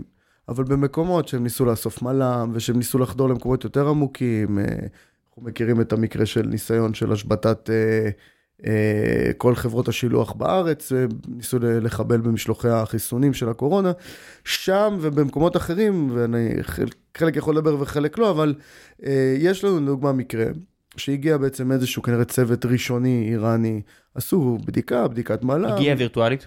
הגיע וירטואלית. וירטואלית, פיזית כן. אה, עוד לא יצא לי להיתקל, לא שאני מכיר, אבל אה, לי לפחות אישית. החבר'ה לא. מה... מה- כן, מה... היה משתפי פעולה. היה משתפי פעולה, אבל לרוב צריך להגיד גם לאיראנים, יש קבוצה למשל בשם צ'ארמין קיטן או APT 42 או איך שלא תקרא לזה, יש להם המון המון שמות. הם אוספים מל"ם בצורה נהדרת, כן, הם ממש. תומכי משטר. עכשיו, במקרה שאומרים לדבר עליו, זה... מה כאן, הם הגיעו לראש המוסד. לפי פרסומים זרים, כן. לפי מה שאני לא, רואה לא צריך- בטלגרם. הם הם העלו את זה, הגיעו כנראה לאשתו, אבל בס- אבל תראה, בגדול מה זה שאני... די בא- קרוב, כן? לא, לא, הגיעו, לא, לא מתווכח, הגיעו. יש, יש קבוצות איראניות שבאמת מטרתם זה לנסות ולייצר כמה שיותר נקודות מידע בתוך ישראל. ראינו את זה עכשיו עם הפיגוע בירושלים, שפתאום יש להם גישה למצלמה. זה לא כי הם ידעו איפה יהיה הפיגוע, הם פשוט באמת יושבים בהרבה נקודות. תשמע, גם גם אותה בסוף... קבוצה, גם כן. צריך להגיד, אותה קבוצה ש... אבל אה, שתקפה את דדי ברנע, את אשתו יותר, ואת המצלמות, זה קבוצה אחת, אבל המטרה שלה זה יותר השפעה. הם כן. מצליחים להגיע לנקודות מפתח, כי בעצם הם עושים את כל איסוף המודיעין הזה. כן, זה- זה מדהים אה, שיש לך פה, אתה יודע, לכולם יש טלפונים שמיוצרים בסין, אז נניח שזה רמת אבטחה, כי מאחורי הקלעים יש חברות מאוד חזקות כמו אפל וגוגל, שבאמת עובדות קשה, אבל עוד שלב אחד קדימה, אנשים מורידים אפליקציה של, היי, תראה, ה desktop background שלי בטלפון הוא עכשיו מצלמה שפתוחה תמיד, איזה מגניב, אני אומר, מה? מה אתה מדבר? או לחילופין, האפליקציה הכי פופולרית בעולם, טיק טוק. אה, שנמצאת בשימוש שעתיים בממוצע כל יום לכל מי שמתחת לגיל 18, אה, לאיפה היא שולחת את כל ה-GPS וכל המידע שאתם נותנים לגישה? אוקיי, זה משהו שנגיד אה, קבוצות תקיפה של החמאס מאוד אוהבות לעשות בזמן מבצעים, להתחקות אחרי אפליקציה, למשל צבע אדום, זה מה שהם עשו ב-2018 לדעתי. אה, ברגע שהורדת מחנות האפליקציות את אפליקציית צבע אדום, קרו שני דברים. אחד, הותקן, להם, הותקן לך כלי די טיפש צריך להגיד, במכשיר שאסף עליך מודיעין. הדבר השני, אה, הותקנה לך אפליקציית צבע אדום הלגיטימית. זה נורא, צריך להגיד, פישינג ברגע שאתה לא מודע אליו, וגם אם אתה מודע אליו, גם אם עברת הדרכות כן. פישינג, ואתה לא מבין מה האיום עליך באופן ספציפי, זה מאוד קשה להגיע לאפקטיביות. תשמע, אנשים פה אומרים, שומעים, אה, אולי קצת, אה, הנה, קצת פישינג של מיליוני דולרים פה, והנה קצת שיחקו פה, והנה משחקים של, אה, הנה אה, ראש המוסד משתעשע, אה, סך הכל בקטנה. הנה המספרים. כ-190 אלף חיילים רוסים נהרגו לפי המודיעין האמריקאי בשנה האחרונה באוקראינה. אני מניח, אצבע ברוח, עשרות אלפים מהם מתו בגלל שהתקשורת שלהם דלפה. עשרות אלפים של לוחמים בשנה אחת, מספרי מלחמת העולם השנייה מתו, כי הטלפון שלהם. כמו אה, כל כך הרבה מחבלים שמצאו את מותם, כי הטלפון שלהם, מה לעשות? זאת אומרת, זה, זה, זה מה יש. אה, כמות, רק עכשיו לאחרונה, 600 אנשים אה, באיזשהו מקום אה, מוצאים את מותם שהם הולכים לישון, כי, כי הטלפון דולף מידע כל הזמן, והאמריקאים ממש טובים, אז תניחו שהצד השני גם לא כזה רע. זהו, מכאן, אם אתם עכשיו לוחמים ואתם יוצאים לפעילות עם הטלפון בכיס, מה שצה"ל עבר להיות צבא די פרוץ מהבחינה הזו שכל כך הרבה מידע נמצא על וואטסאפ, כל כך הרבה אה, לוחמים מסתובבים עם טלפונים, מה שלא יודע, בתקופה שלי פשוט לא היה את- הדברים האלה, לא הייתה את הסיבה לעשות את זה, לא שהיינו הרבה יותר טובים, לא, לא היינו, אבל פשוט לא היה את הדברים האלה. אני חושב שכמות ה... כמות הוורטיקלים הפתוחים כרגע סביב צה"ל היא עצומה. יש את הקמפיין של חמאס, שכל הזמן רץ נגד חיילים אה, שמחפשים אה, אה, נשים, בוא נשים, נגיד כן, ככה, אני אנסה נשים להגיד את יפות. זה, נשים יפות, והוא עד היום רץ, לדעתי, הוא לא הפסיק. הוא עד היום רץ כל כמה חודשים, או אפילו כמה שנים, אה, בשלוש שנים האחרונות היה לפחות אה, ארבעה או חמישה פרסומים, גם של שירות הביטחון הכללי וגם של צה"ל, שמפרסמים את אותו קמפיין. עכשיו, בקמפיינים אחרים הם לא מפרסמים, כי פה אתה הולך ממש על חיילים שמחפשים בסוף אה, מישהי להכיר, וצריכים לעבוד עליהם. עכשיו, כמו לא טרמפים כזה של קשה, פעם, כן? אתה- אתה צעיר, אני פעם לא היה אומר שהם טרמפים. טיפשים, כן. אני אומר שזה מתאר איום באמת מאוד גדול. עכשיו, למה החיילים האלה אומרים, בעצם למה מטרגטים אותי? כי בסופו של דבר, הסיכוי שקצין, דרגה מאוד מאוד גבוהה, לא יהיה עם הטלפון שלו וידבר על איזשהו מבצע, היא נמוכה, אבל חייל שאומר, אני כן, לא, מה עומד פתאום, להיכנס כן, לעזה. שזה מישהו בשב"כ במקרה ירוץ כל יום, והאפליקציית ריצה שלו מדווחת GPS, זה- כי הוא נתן לה את כל ה-GPS ויש לו את זה אפילו על השעון שמדווח לטלפון, כן, כי, כן. זה מודעות לאבטחת מידע. עכשיו, אני יכול להגיד לך שהרבה פעמים, כאילו, גם אני הותקפתי במבצע תודעה מאוד גדול, ואני שמרתי על עצמי מאוד מאוד טוב. בסוף, מה שהתמונות שהאיראנים הדליפו שלי, זה, זה מהאינסטגרם שהם לקחו. אה, האינסטגרם היה פתוח, ואתה צריך גם להבין שבסוף יש מתאר איום שאתה, איזה איומים אתה מוכן להכיל ואיזה איומים אתה לא מוכן להכיל, בהרבה מאוד חברות. גם צריכים לקחת בחשבון שמידע יודלף, ואז איך אתה מטפל בזה. נחזור לדוגמה עם לוקביט למשל, שהם תקפו את מרקורי IT. הם תוקפים הרבה הרבה חברות, מדליפים הרבה מאוד מידע של הרבה מאוד חברות אחרות. כמה החברות האלה מוכנות לשלם עבור המידע שלהם שכבר דלף החוצה. איפה, איך נראה הבורסה של המידע? זאת אומרת, אם אני ברוקר ואני עכשיו מחפש לקנות בוונצואלה משהו עבור איראן, איך נראה, איך נראה הקטלוג מורכב. של המידע? זה, זה יותר מורכב. אם אתה הולך ל... אה, בעצם קבוצות עצמם, אז יש לך קבוצות בשם קלופ למשל, שיפנו למתחרים של אה, אותו ארגון שהותקף, ויש לך אה, קבוצות כמו לוקביט, שאתה פשוט תצטרך להיכנס לבלוג שלהם, אתה תכתוב לוקביט בלוג, אתה תמצא את הקישור, זה לא כזה מסובך, כי הם רוצים בסוף שתמצא אותם. יש לך קבוצה אחרת למשל, שקוראים לה בלק קט, הם תקפו ריזורט בארצות הברית אה, ממש לפני כמה חודשים, לדעתי זה היה חצי שנה או משהו כזה, אה, ריזורט בארצות הברית, לקחו את כל המידע שלהם, הצפינו את כל המערכות, ואז ברגע שהחברה בעצם פנתה לאינסידנט רספונס וניסתה לשחזר את כל המידע, כדי להפעיל לחץ, הם הקימו אתר עם הדומיינים, בעצם שם של אותו ריזורט, פנו גם לאנשים שהתארחו בריזורט וגם לעובדים שלו, התחילו להדליף מידע שלהם, וקראו לארגון, קראו בעצם לעובדי הארגון, בואו תפעילו לחץ מלמטה. אתם רוצים שנמחק את המידע שלכם מהאינטרנט, המידע הפרטי שלכם? בואו תפעילו לחץ על הארגון שאתם עובדים בו. ואלה בעצם, זה גם מראה במידה מסוימת על נואשות כמה הם צריכים שישלמו להם, וכמה, אם אתה נותן זמן לאינסטנט ריספונס, לא, יש את המספרים יותר טוב ממני, אבל כמה אה, אתה יכול הרבה פעמים לשחזר את המידע וכמה זה אפקטיבי. דבר שני, כמה לחץ אה, מנסים לעשות בשיטות שהן די מדהימות, זה לא איזשהו פורום קטן בדארקנט שאתה צריך לעבור במחשכים ויש לך את הקישור לקבוצה מאוד ספציפית. בתחום של המידע, הם רוצים שתגיע לזה. הם רוצים שדווחו עליהם בטוויטר ויספרו את uh, כמות החברות שהם תקפו, בלי לבדוק האם תקפו אותם באמת או לא. קל אבל uh, רגע ללכת לכיוון הגנרי יותר וסיפורים על הרנסום, אבל בין השורות, שתי משפטים אחורה, זרקת פה איזה משהו שכהרף עין, שהוא אפילו די כבד, והייתי רוצה רגע להתעכב עליו. Uh, אמרת שבעצם היית חלק מקמפיין השפעה. Uh, ואני בטוח שרוב הקהל לא יודע על מה מדובר, אני ברור שאני יודע על מה מדובר, חייתי איתך את זה. זה אה, הטלפון הראשון או השני שלי. א', תודה, אה, ברגעים כאלה, אבל, אבל אני חושב שזה, בעיקר גם לנושא שלשמו הגענו, הייתי רוצה שנייה שתתעכב, שתספר לשאר האנשים, אם אתה יכול, אה, כן. מה- על מה מדובר בכלל. אני הייתי חוקר של אה, חברה בשם קליר סקאי, החוקר הראשי שלה, הייתי גם תשע שנים מתעסק בתחום האיראני. עזבתי את החברה באוגוסט 2021 אה, ועברתי למקום העבודה שלי הנוכחי, אבל במהלך החברה אה, פרסמתי לא מעט מחקרים on behalf of the חברה, אה, והתראיינתי לכל מיני מקומות. בעצם חלק ממה שרואים שמאוד אפקטיבי בהרבה מאוד סיכולים של מבצעים כאלה, אה, זה פשוט לפרסם אותם. עכשיו, לפעמים לא טוב לעשות את זה כי אתה בעצם הורס את, אה, תמונת המודיעין או את הנגישות, אבל לפעמים זה אקוטי. ככה למשל, מבצע תודעה שהיה נגד ישראל, ברגע ששמנו קונטקסט שזה תודעה, אה, מה זה אומר מבצע תודעה? מבצע תודעה זה ניסיון השפעה. עכשיו, השפעה יכולה ללכת לכל מיני כיוונים. אני לא רוצה להגיד לאן הם מנסים לעשות את הכיוון או מה המטרה שלהם, אבל הקצה זה השפעה. זה אה, טרור אלקטרוני בסופו כן. של דבר. ממש ככה.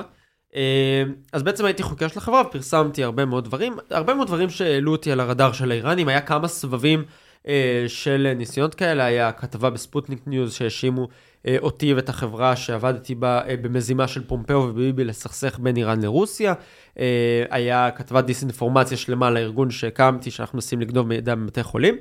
אה, בנובמבר שעבר, שאני כבר כמה חודשים לא מתעסק בצורה יומית באיראנים, זה לא המוקד שלי, אני עובד בכלל בחברה של בירות שלאיראנים, אסור לשתות.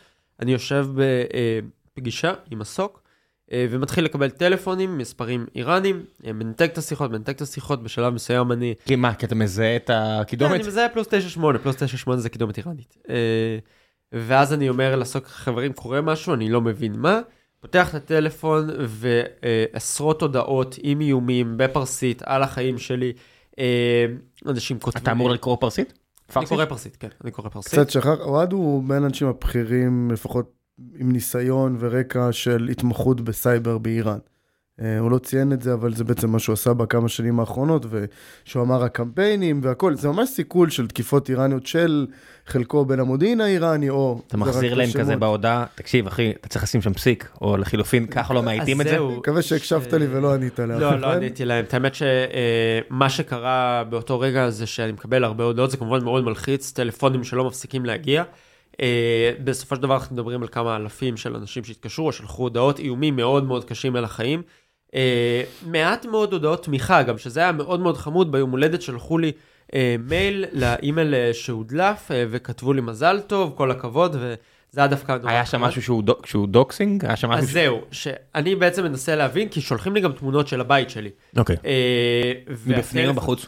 מבחוץ. אוקיי. אה, מבחוץ, אה, ואז בעצם אני נכנס לטוויטר, אני נכנס לאינסטגרם, תגובות בכל מקום. אני ישר סוגר את כל הדברים, אה, גם מתקשר לעומרי, אה, ועומרי והחברה שלו בעצם אה, עוזרים לבדוק האם יש על המחשב שלי איזשהו כלי. רגע, מה החברה עושה בשלב הזה? מה החברה אז- עושה באופן כללי? החברה באופן כללי היא חברה שמתמחה בפתרון של תקריות סייבר, incident response, תגובות לאירועי סייבר. מתקשרים אליך כשהחרא פוגע במאוורר? אה, כן, או לפני להתכונן לזה, זאת אומרת, איך להיות כן, אה, אוקיי. בדיוק. אה, מקווה שלא נגיע למצב המאוורר, ואוהד גם היכרות של רבת שנים, וגם לאור המקרה, ואנחנו גם מטפלים בהרבה תקיפות של איראנים, אז החלטנו כפרו בונו לעזור לו להבין האם יש משהו מעבר אז לפרסומים. מה ה-go to move, דבר ראשון, מה, לשבור את הטלפון? אה, לא, דווקא גם לחקור, אה, ברשותו, לחקור את המחשב, לחקור חשבונות, עשינו לו גם בדיקת חשיפה, לראות אם יש דברים שהוא פספס, שאולי הוא העלה איזה שם משהו באינסטגרם פעם, וזה פתוח, וכל מיני דברים כאלה, מה שגם הוא יודע לעשות מאוד טוב בעצמו, אבל תמיד טוב. כשאתה אומר העלה לאינסטגרם וזה פתוח, אתה מתכוון איזשהו טאגינג של הום, זאת אומרת כן. האינסטגרם וגוגל נורא אוהבים להבין איפה אתם גרים, כי זה יחסוך לכם ב-UI UX, אתה נכנס ל-Waze, תיקח אותי הביתה. או לחלופין, או את כמו כל בן אדם, כמוני, כמוך, אה, נרשמים לכל מיני אתרים ומעלים לשם דברים, והרבה פעמים האתרים האלה נפרצים ומודלפים. אז לראות אם מישהו מחפש אותו באופן זדוני, מה יש על אוהד, או בכלל על פלוני, האם אפשר לבנות מזה משהו יותר עמוק, אה, כמו שאפשר להגיע לכתובת ולתעודת זהות ושאר הדברים, ובעיקר רצינו גם להיות מאוד פרואקטיביים, כי חוץ מזה שאותו, זה התחיל מאותה כתבה בעצם שהייתה. אז הייתה באמת, אה, בשלב מסוים אני מגלה שיש כתבה ב Fars News, שזה ביטאון תעמולה הרשמי של משמרות Fars News זה המהפכה. מצחיק. זה ישראל היום של איראן. זה, אפשר להגיד את זה? אוי ואבוי, לא האמת שהשוויתי את זה. אה, כן, אתה יודע, Fars News זה מצחיק, אני לא לא- לא... זה זה מצחיק, זה פארס. כן, אבל זה בעצם האתר הרשמי, אה, שהוא גוף התקשורת הרשמי של משמרות המהפכה, וכתבה מלווה ב Press TV, ש Press TV זה הגרסה המקבילה של אה, משרד המודיעין, בעצם הגרסה המקבילה של הממשלה, ששם מתארים אותי כקצין ציוני בכיר במשט- בצבא הישראלי, עם דרגות והכל? עם דרגות והכל. עכשיו, אני פגעו בול? צריך להגיד, אני לא הייתי אה, קצין בצבא. אה, סמל ראשון? כן, לא, אפילו, כאילו, רציתי בשלב מסוים לצאת לקצונה, והיה עם זה אה, אה, ויכוחים ולא ממש נתנו לי, אז קודם כל תודה לאיראנים על הקידום. מוסיפים לך ב Fars News, הוא רצה להיות קצין, אבל הקצונה לא חשבה שהוא אחראי דיו. סמל ראשון עם עיכוב דרגה. זהו, ממש. אה, אז הם כותבים קצין בכיר במשטר הציוני, אה, בצבא, בעצם שמפקד על יחידה של אה, כמה עשרות חיילים, שמבצעים את התקיפות באיראן. אה, עכשיו צריך להגיד זאת, היה באותה תקופה מתקפות על תחנות דלק בטהרן, שבעצם שלחו את כולם לתחנת הדלק בשכונה של אה, מנהיג איראן. היה מתקפה על הרכבות. כן, זה היה מאוד... עם המספר. טלפון של עם המספר חמינאי. טלפון של חמינאי, כן. איזה יופי. כן, זה היה מתקפה מאוד מרשימה, וזה היה כמה מתקפות תודעה כאלה, בעצם מאשימים אותי בזה. מפעלי הברזל. כן, לגמרי. היה כמה אירועים מאוד מאוד גדולים. אה, כתבה מאוד ארוכה שמסבירה על כל פועלי, אה, עם תמונות שלי מהאינסטגרם שנלקחו ופרטים אישיים. דירוג בליג אוף לג'אנס. אה, עם הלוואי. אה, לא, משחק משחקים אחרים, זה היה, הם אה, אה, היו מדליפים את זה, היו רואים את השיאים שלי בפוקימון. בכל מקרה, מדליפים הרבה מאוד מידע פרטי שלי, כולל טלפון, טלפון בבית, כל הרשתות החברתיות, מספר תעודת זהות. Uh, הכתבה הזאת גם זוכה להרבה הרבה הרבה תרגומים לכל מיני גופים ערביים, טורקים ואינדונזיים. היה סופה, ש... זה התחיל ביום רביעי, היה סופה של באמת מאות שיחות והודעות.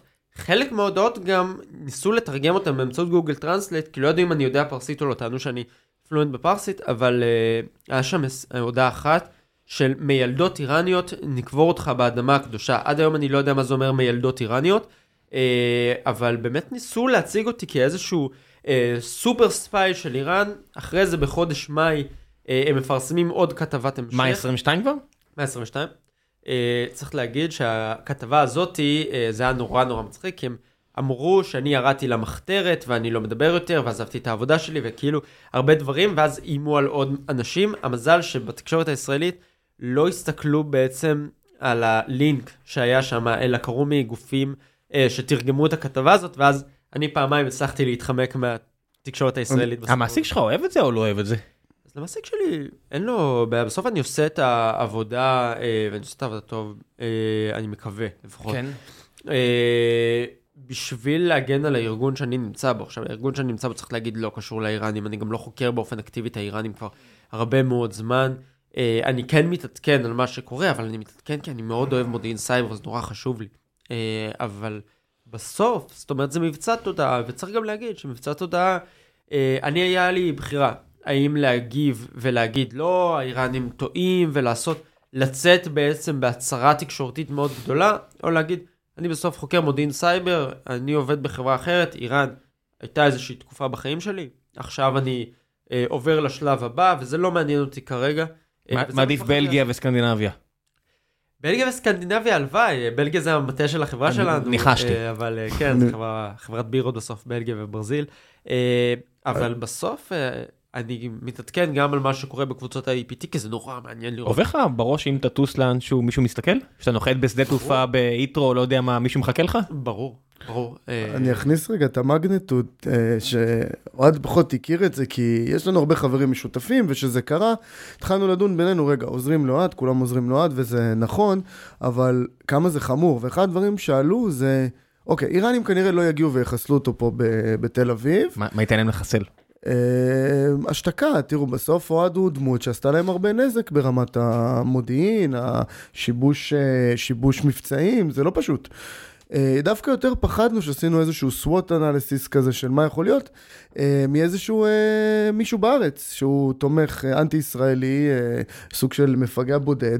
והיה איזה שלב שאמרנו, אוקיי, אולי נעשה משמרות בכמה הקרובים, כאילו במקום זה, אבל בסוף החלטנו שזה לא המצב. אני אני מניח אה, שהשב"כ, אם היה באמת פוחד, היה עושה את זה בעצמו, לא? זהו, אני לא לא רוצה להיכנס יותר מדי לעזרת המדינה, כי לא הייתה, אבל... אה, כי לא הייתה. לא, לא. לא הייתה, לא הייתה. אה, אני יכול להגיד ש... יו, אתה יודע שיש אנשים אה, די רציניים בארגון ש- שמאזינים עכשיו. לא, לא הייתה באופן אקטיבי. אני מבין. אה, צריך להגיד, אני ניסיתי לרדוף אחרי אה, גופי המדינה בשביל להבין את מתאר האיום, יותר מזה, אני אגיד לך. החברה שלי נותנת חסות למונדיאל.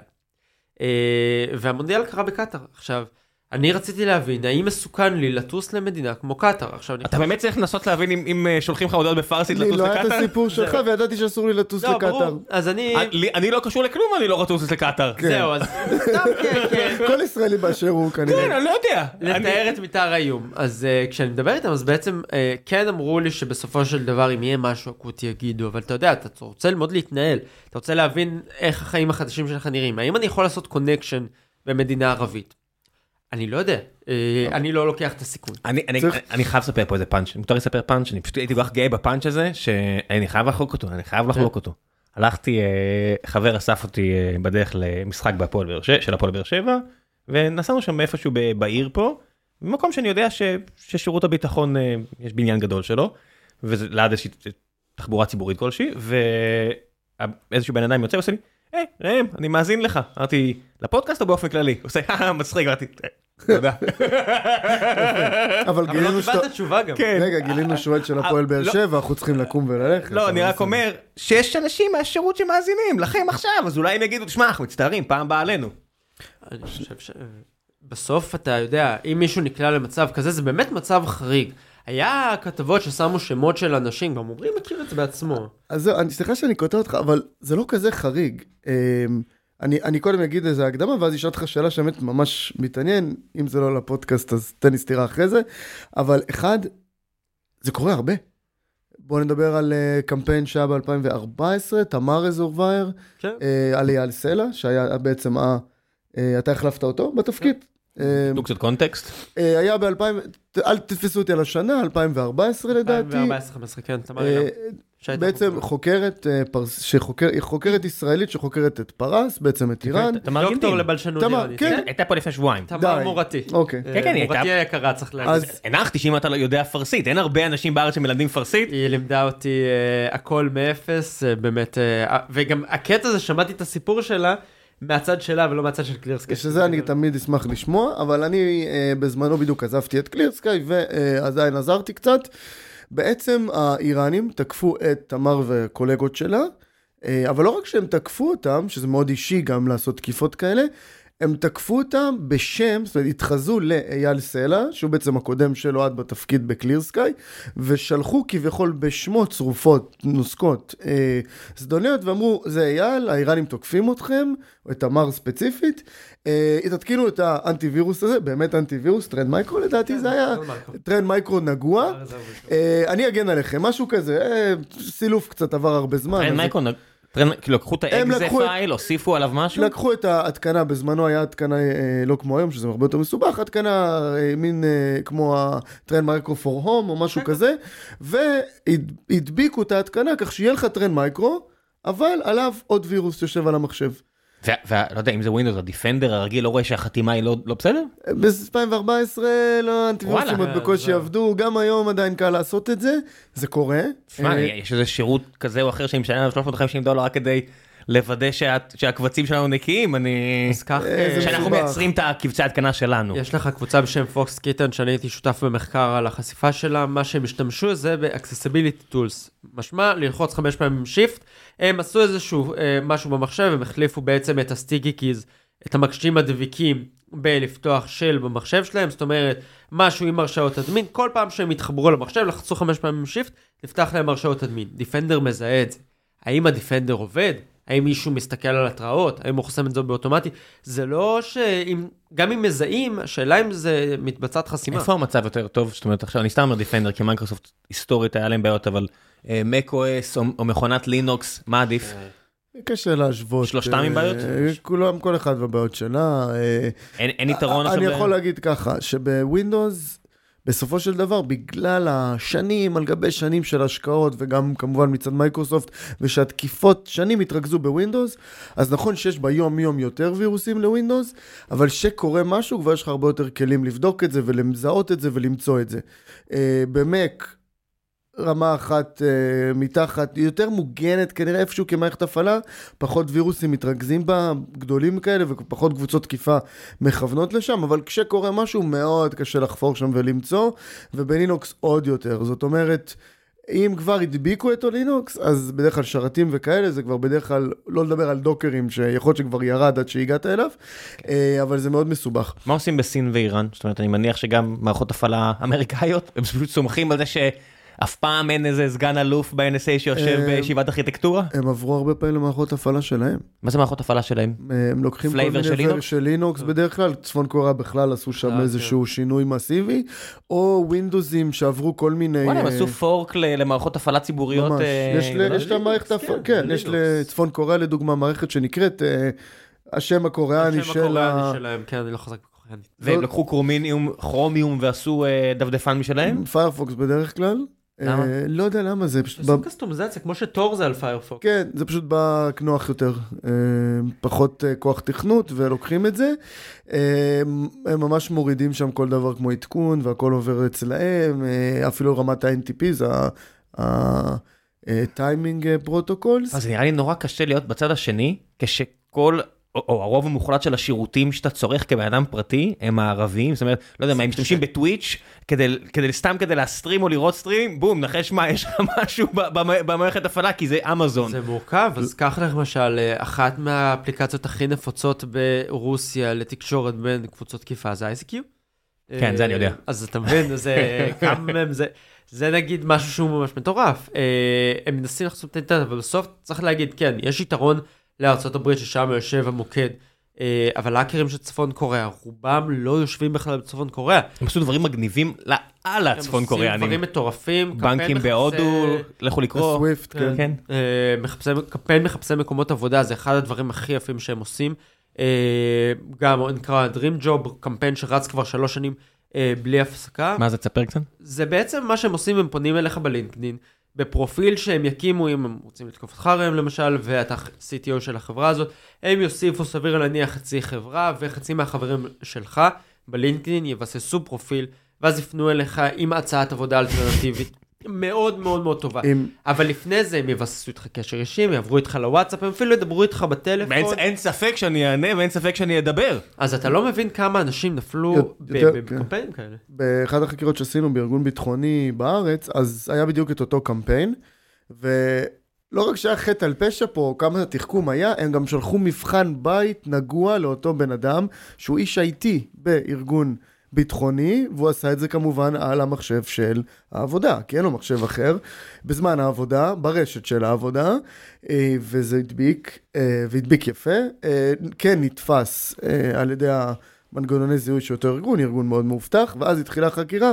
ובאמת הגענו לאותו קמפיין. תשמע, היו שנתיים כל כך מופרעות שקיבלתי הודעות שאמרתי, אני לא יודע אם זה פישינג או לא, אבל אני לא יודע, היה מישהו ששלח לי תמונה, תראה, אני עם ג'ק מה לידי, אנחנו רוצים לקנות סקנדרי מהמניות שלך. אני מסתכל, האמת? זה יכול לקרות, איזה שנתיים מטורפות. אני לא אענה, כי ה-CFO לידי ויכעס עליי אם זה אמיתי, לא אם זה מזויף, אז אני לא אעשה את זה, אבל יאוזה, איזה... איפה ג'ק מה התערבב לכם? בקמפיין של Dream Job אנחנו ישבנו וממש ראינו אותם מדברים ימים, ימים ימים עם אותם אנשים, מבססים איתם קשר, לומדים איתם את השגרת פעילות שהם יודעים לשלוח את הקובץ כשאתה בעבודה. ותפתח אותו, ואז אתה מקבל PDF, למשל עם הצעת המשרה המאוד מאוד נפוצה, אה, המאוד מאוד, אה, סליחה, סקסית הזאתי, ואתה פותח אותה. עמוד אחד יש לך תיאור משרה, שני עמודים ריקים. אתה פונה לאותו בן אדם כבר בוואטסאפ, עזבת מזמן את הלינקדאין. Uh, אתה אומר לו, uh, לא עובד לי, אז הוא אומר, אה לא, זה קורא PDF שלך, זה עושה את הקלות, כך קורא PDF אחר. קורא PDF והחיבור של הקובץ PDF הזה, אתה נוזכר במחשב שלך. האיראנים למדו את זה ועושים את זה בצורה מאוד מאוד יפה, יש שתי קבוצות פעילות בארץ שעושות את זה. האמת, אם אני הייתי עכשיו גנרל רוסי ב-8200 שלהם, הייתי מנצל את העובדה שכולם פה צריכים עובדים, מתכנתים זולים, ומנסים לשכנע אותך לקחת מפתחים באוקראינה. אתה מדבר עם אנשים שדוברים רוסית, אתה באמת יודע לזהות מבטאים לפי אה, חרקוב, קייב או סן פטרבורג? כנראה שלא. בהנחה שיש הבדל, כן. גם שהם לא יושבים... אין הבדל. ונכנסים אליך עכשיו שלושה ארבעה מפתחים זולים לארגון, ואולי. אז זה, ורטיקל שאני חושב עליו שהייתי עושה אותו כל כך בשנייה, כי הוא כל כך קל.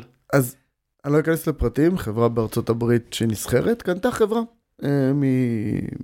לא, משהו לשעבר ברית המועצות, כי אמורה להיות להם טכנולוגיה מאוד מבטיחה בתחום הסייבר, משהו מאוד מאוד מעניין. למי שמזלזל, Snap לצורך העניין, Snapchat, המפתחים שלה, אוקראינים, תותחי כן. על חלל, זה לא ש... אני לא אומר את זה לא, מזלזול, כן, קנו חברה... למי ששומע ומזלזל למה שאתה אומר. אה, לא, לא, אז ממש לא, והגיעו... הגיעו לא מעט אנשים, וחלקם אפילו עשו סוג של רילוקיישן לחודשיים. אה, נכנסו לתוך החברה, והתחילו לעבוד איתם, ולאט לאט התחיל לעבור כל מיני, להגיע כל מיני פערים שה...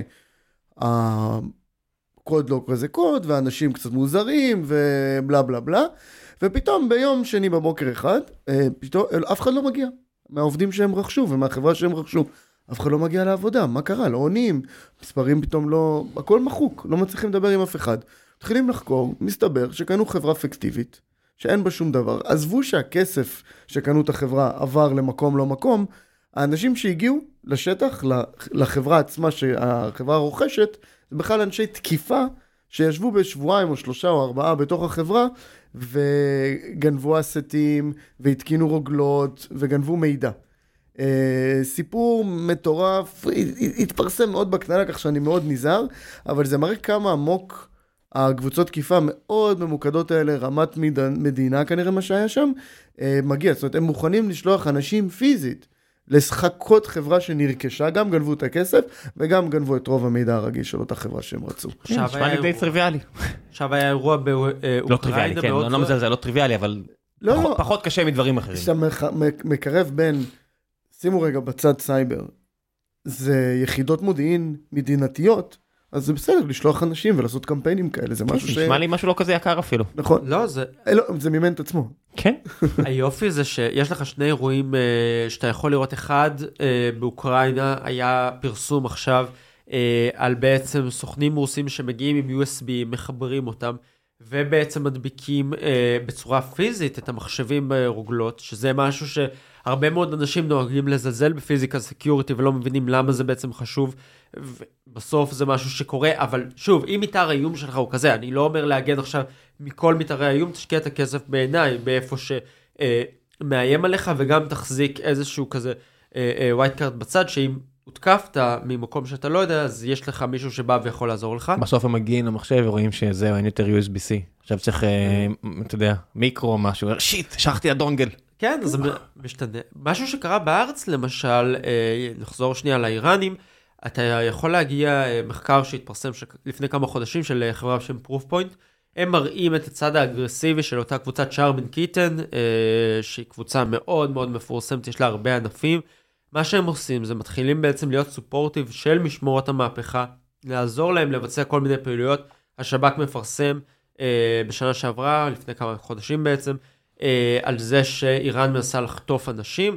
אז הקבוצה הזאת עוזרת, ולא רק עוזרת, היא גם בצד האגרסיבי, פורצים לטענת פרוף פוינט לקצין בכיר בישראל, ושולחים דרכו מיילים של איום בעברית, מאוד מאוד גרועה, אבל בעברית, לכל מיני אנשים שניסו לחטוף אותם, או שמאיימים על החיים שלהם.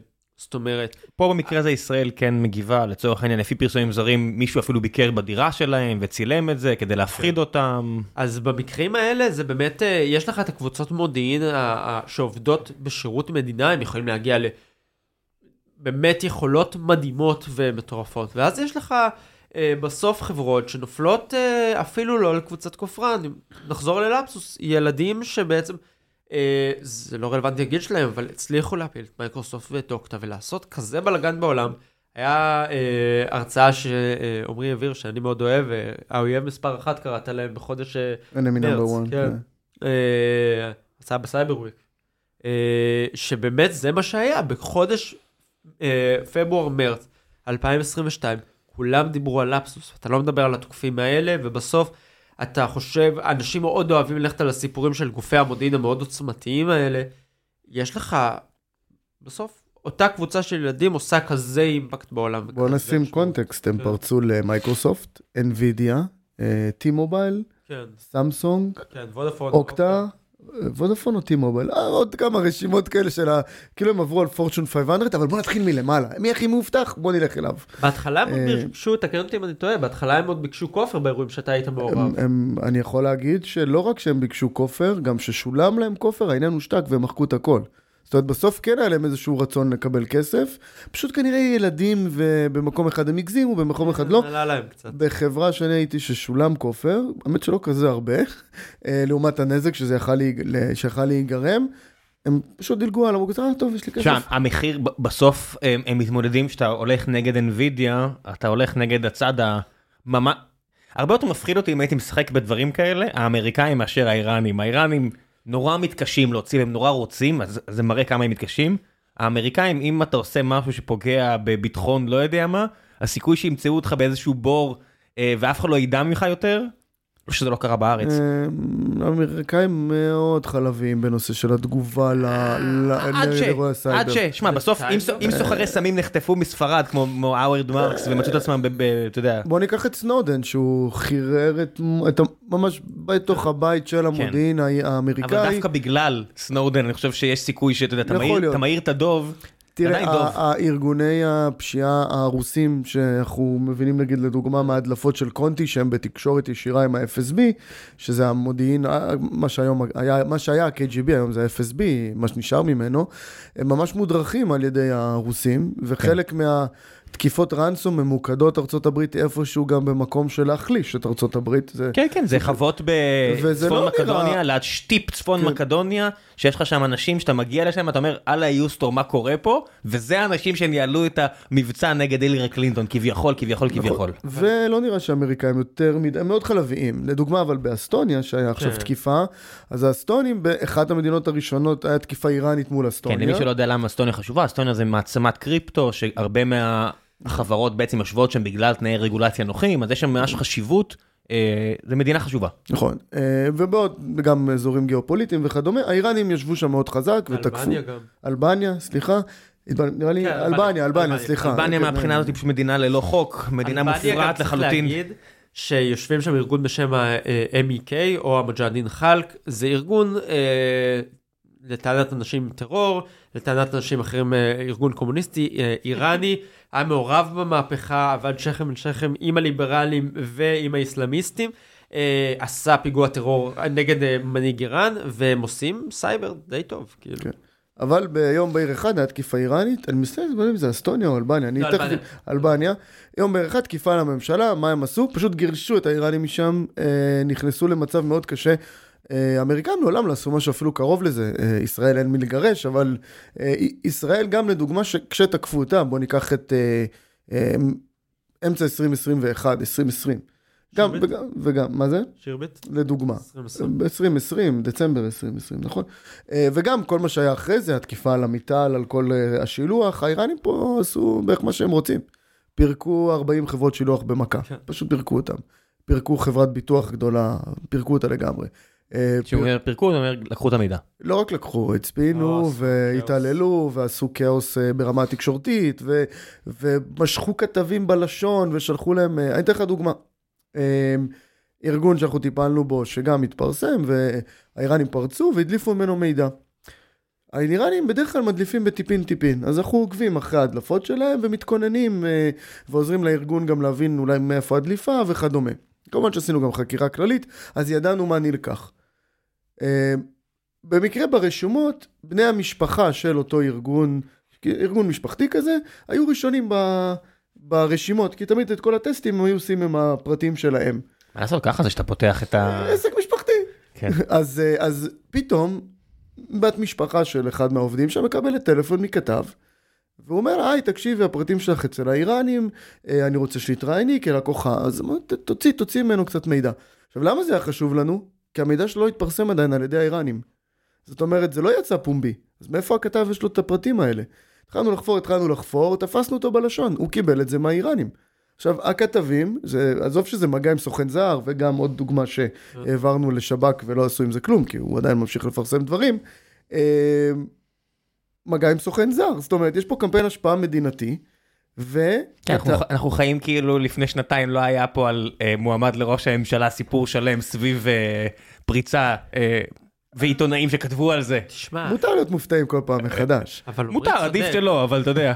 באירוע של uh, pay to key, שזאת הייתה הקבוצה שתקפה פה את אמיטל ואת כל החברות האלה, שניסו בעצם לפזר כופרה וישר כאילו בין המחקרים הראשונים uh, uh, שפרסמתם, אומרים זה היה מחקר שבעצם קישר את זה לאיראנים, נכון. ובעצם שם אתה רואה את הרגולציה של אופק נכנסת לפעולה, את הסנקציות של אופק.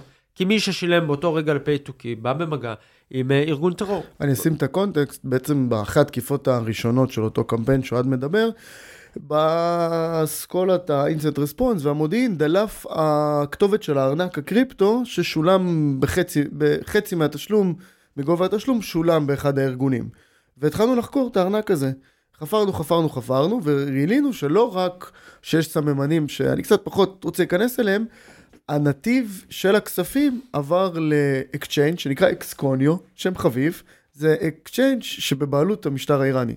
זאת אומרת, צריך, בשביל לפתוח שם חשבון, צריך להיות סוג של חבר מפלגה, זה היה צריך להיות ממש צריך- תעודת זהות איראנית. אבל לא רק, לא אתה יכול. חייב, לא כל אחד באיראן יכול לפתוח שם, זאת אומרת, זה לא, זה לא כמו Binance, שכל אחד הולך כן, ופותח זה מי שלא חשבון. הבין בין השורות, יש בגלל הסנקציות האירופאיות האמריקאיות, בעיקר האמריקאיות, כל מי שסוחר עם איראן מיד נכנס ל blacklist, ואז אה, אתה מאבד הרבה פריבילגיות כמו SWIFT פוטנציאלית. וכאלו, אתה לא יכול להעביר כסף, אז אפילו לשלם כופרה יכול לסבך אותך מאוד. ובארץ אפילו יותר מזה, חוק מימון טרור. אתה העברת כסף למדינה, למדינת אויב, מוצהרת. אמ, באירוע הזה, אז אתה רואה ממש שהיה אנשים למשל שניהלו את המשא ומתן עם שירביט, אחד האנשים המופלאים באמת בתעשייה הזאת, שניהל את המשא ומתן מומחה בתחום הזה. אה, והוא דיבר בצורה שמדברים עם תוקפים כדי לנסות להבין מי הם, האם הם רוסים, האם הם איראנים, לנסות לעשות עליהם כל מיני טריקים. מה, של החבר'ה של משא מום ומתן. כאילו? כן, החבר'ה של מום.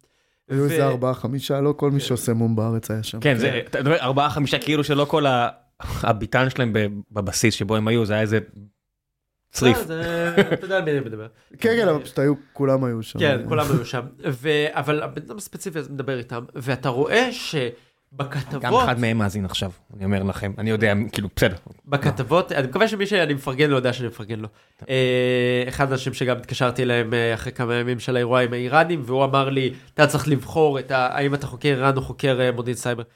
בכל מקרה, אתה רואה שמדליפים את המשא ומתן שיש בין התוקף לבין הגוף שמנהל איתו משא ומתן, ואתה רואה שההודעות שנשלחות זה מהצד של התוקף, מה שמעבירים להם מידע. עכשיו, אני לא בעד להסתיר מתקפות כאלה, אני לא בעד החוק למשל שאמרו תודיעו על מתקפות סייבר רק שלושה שבועות אחרי, כי זה בסוף, מה שהאיראנים עושים זה לפרסם את זה. אני כן בעד לשים את זה בקונטקסט, להגיד זה מבצע תודעה, לא ליפול לידיים שלהם, לא לשחק, לא להדליף את החומרים. במקרה של CyberServe למשל. זו שאלה שאני רוצה להעלות ואני לא יודע את התשובה אליה. אה, הותקפה בעצם אה, חברת אה, hosting נורא גדולה שהכילה גם בין האתרים, אה, הכילה אתרים של אם אני לא טועה, אה, חברת קווים אה, ואיזשהו ארגון של בדיקות רנטגן ובדיקות רפואיות, וגם את בעצם אטרף, שזה האפליקציה של הקהילה הלהט"בית. מה שבעצם עלה בהתחלה באיראנים זה שהם התעלמו מאטרף, הם התעסקו בחברת קווים.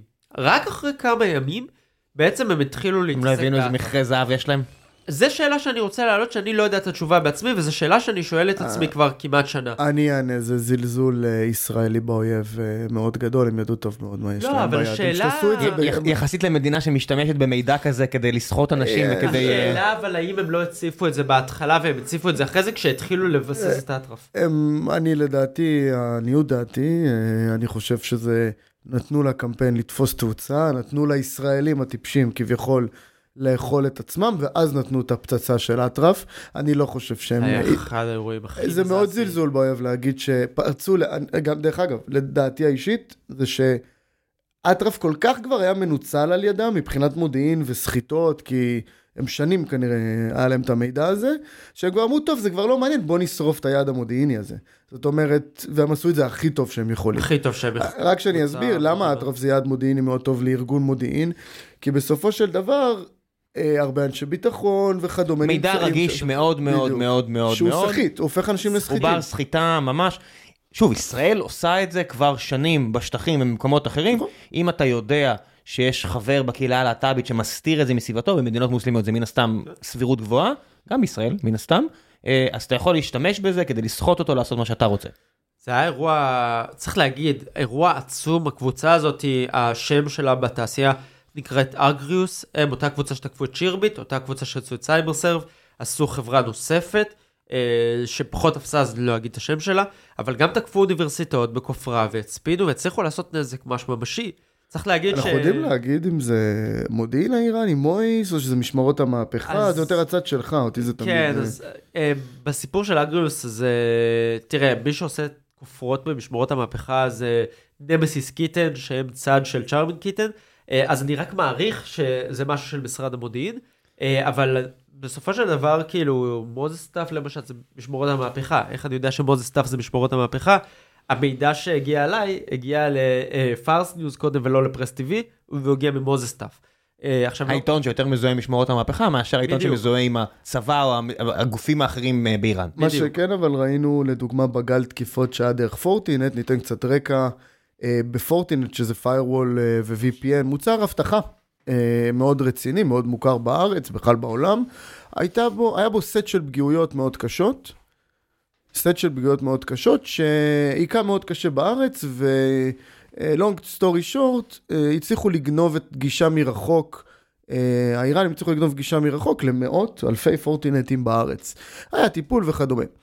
ומה שראינו, שאתה אומר, מזכיר הרבה שמות, אה, אה, APTs אה, וכדומה וכל מיני שמות של kittens, מה שראינו בקמפיין הזה, שפתאום עשה לנו כזה איזשהו אירוע epiphany, זה שהם משתפים מידע ביניהם. פעם האיראנים היו רבים אחד עם השני, וכנראה עבר שם איזשהו שינוי אסטרטגי וכולי, שהקבוצות הפסיקו לריב אחד עם השני, והתחילו לשתף פעולה. פעם אחת אתה רואה כלים של קבוצה X, ופעם אחת קבוצה Y, אבל את הגישה בכלל קבוצה אחרת הביאה לכולם. זהו, זה ממש הפכו, עשו איזשהו structure מאוד מאוד מאוד מרשים. אה, בקבוצות של הקיטנים בכלל, הרבה מאוד מסתכלים על Charming Kitten. פעם הסתכלו על זה כיחידה אחת, היום אפשר להגיד באמת איזה שישה קלאסטרים שונים של התנהגויות. פעם אחת הם גונבים מידע, פעם אחת הם עושים הרס, פעם אחת הם אגרסיביים, פעם אחת הם עושים את הקמפיין נגד ג'ון בולטון. אה, באמת מאוד מאוד מרשים. מצד שני יש לך קבוצות במשרד המודיעין שעושות דברים דומים רק נגד ממשלות. הקבוצות יסוד עובדים עם כולם. זאת אומרת, יש לך ממש אה, אה, איזושהי חברת אה, third party שממש מביאה לכולם את הגישות, ותלוי בהתאם לצורך.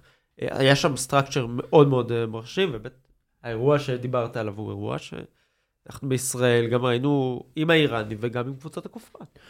משהו רק לקראת סיום, אמרנו הרבה פעמים Kittens, בעולם הסייבר קבוצות תקיפה מדינתיות בדרך כלל מקבלות שם של אה, חיה, אה, סין זה פנדה אה, וכולי. אז Kitten זה בעצם חתול פרסי, ולכן יש להם את השמות האלה. כן, יש אה, החתולתולים. השמות, אה, חבל. מה זה. ישראל? אף פעם לא ראיתי. אז ישראל לא קיבלה אין ממש אין שם, לנו קבוצה כי- של גמלים מרושעים? זהו, לא. אין איזה משהו כזה? כי בעצם מי שנותן את השמות של ה Kitten זה CrowdStrike, ו CrowdStrike לא, לא פרסמו מידע על ישראל. אה, יש מסמך שאני שותף בו, גם התנדבותי לגמרי, אה, אפשר לחפש פשוט APT ספרדשיט בגוגל וכולם יגיעו אליו, אה, שממש מנסה לסכם, אז שמה אה, ישראל מופיעה בערך שלוש פעמים, פעם אחת תחת השם דוקו ופעם אחת תח- תחת השם 8200. אבל לא קיבלנו איזשהו קיטן, לא קיבלנו איזשהו מזלות, שזה חברת פאלו אלטו עושה עכשיו, אה, לא קיבלנו ציפורים, שזה רד קאנרי עושים. אה, זה... מאכזב מאוד. כן. רגע, אה, אני לא- אסיים בשאלה, רציתי לשאול... שמונה- כוכבית. תשב, יושב לי, אני רוצה לשאול אותך. אה, נחזור רגע לסיפור שלך, וזה פשוט מה שאני אישית מתעניין בו. הקמפיין הזה של האיראנים, השפיע עליך? אתה פחות מתעסק בנושא האיראני מאז? אה, אני פחות מתעסק בנושא האיראני מאז שעברתי בב. אני כן עוקב מאוד, כי בסוף אה, אתה יכול להוציא את החוקר מאיראן, אבל אתה לא תוציא את איראן מהחוקר. גם איראן, צריך להגיד, אני מאוד התחברתי לתרבות הפרסית ולאוכל הפרסי. אה, וצריך גם להגיד שאני, כל פעם שהאשימו ישר את איראן, גם אם האיראנים מקשיבים לפודקאסט הזה, שידעו אם. לא, אז שידעו גם שאני הלכתי ואמרתי לא לצעוק זאב זאב ולא לשייך לאיראן את הכל. חתול, חתול. אה, אני כן. פחות חוקר בצורה אקטיבית את איראן, כי אני היום לא פרסמתי... אתה אומר, אתה- אוהב גונדי, אז אתה אומר אולי הם יוותרו לך. אני מאוד אוהב גונדי, אני גם מכין אחלה חורש, שאתם מוזמנים. אה, אבל בסוף אני פחות חוקר את איראן ביום יום שלי, אה, גם כי בסוף אני מעורב במיזמים אחרים שפחות איראן רלוונטית אליהם, אה, הרבה יותר מיקוד בקבוצות, אה, בקבוצות הפשיעה, אה, בעיקר צריך להגיד ממדינות ברית המועצות לשעבר, אבל גם ממדינות אחרות, אה, קבוצות ברזילאיות שמאוד מאוד מעניינות אותי. עכשיו היריבים שלך זה דנמרק, שלא ינסו לגנוב את הבירה אליהם. אה, לי אין- ברירה, אני חייב להתעסק באיראן, הם כל הזמן תוקפים כן. פה, אבל אה, כן. כן. לא. לגמרי, כי מי שמנהל בחברה שמתעסק באינסידנט ריספונס גם בישראל, אין, לך מה לעשות, אתה תגיע ל, להתעסקות באיראן בין כה וכה. כאילו, זה לא... אין מה לעשות, אבל צריך להגיד שיש המון המון המון קבוצות. זאת אומרת, אפילו לווייטנאם יש קבוצה די מרשימה. אה, העולם- אפילו לווייטנאם, זה זה מדינה של 80-90 מיליון אנשים עם הרבה טכנולוגיה פתאום. זה קבוצה מאוד מרשימה, קוראים לה אושן לוטוס. יש הרבה קבוצות שהן אה, ממש אה, מדהימות. אה, פחות מתעסק עם האיראנים, זאת אומרת, זה לא נהיה מושא, זה, עזבתי את זה כמושא מחקר. אה, איך קראו למשחק הזה שהיה מאוד מאוד קשה? אה, שאתה כזה side scroller כזה שאתה עף, וכולם שיחקו אותו לאיזה שנייה וחצי. שאתה אה, רק צריך להחזיק, צריך ללחוץ, כן, ללחוץ, אתה זוכר את זה? זה פותח בווייטנאם נגיד. זה, זה, זה, יש, אה, אתה יודע, אתה יכול להסתכל. יש המון קבוצות, עולם מודיעין סייבר הוא מטורף. עכשיו אנשים צועקים את התשובה, כן. אם הם הגיעו עד עכשיו. כן. טוב, המלצות, מה שבא לכם, אין לי רגולציה, אז מה שבא לכם. פינת ההמלצה.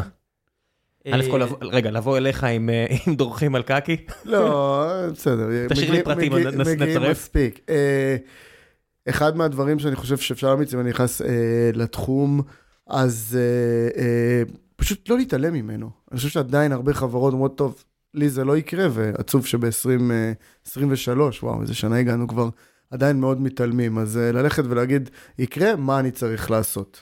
זה לא סטיגמה, זה פשוט באמת יקרה.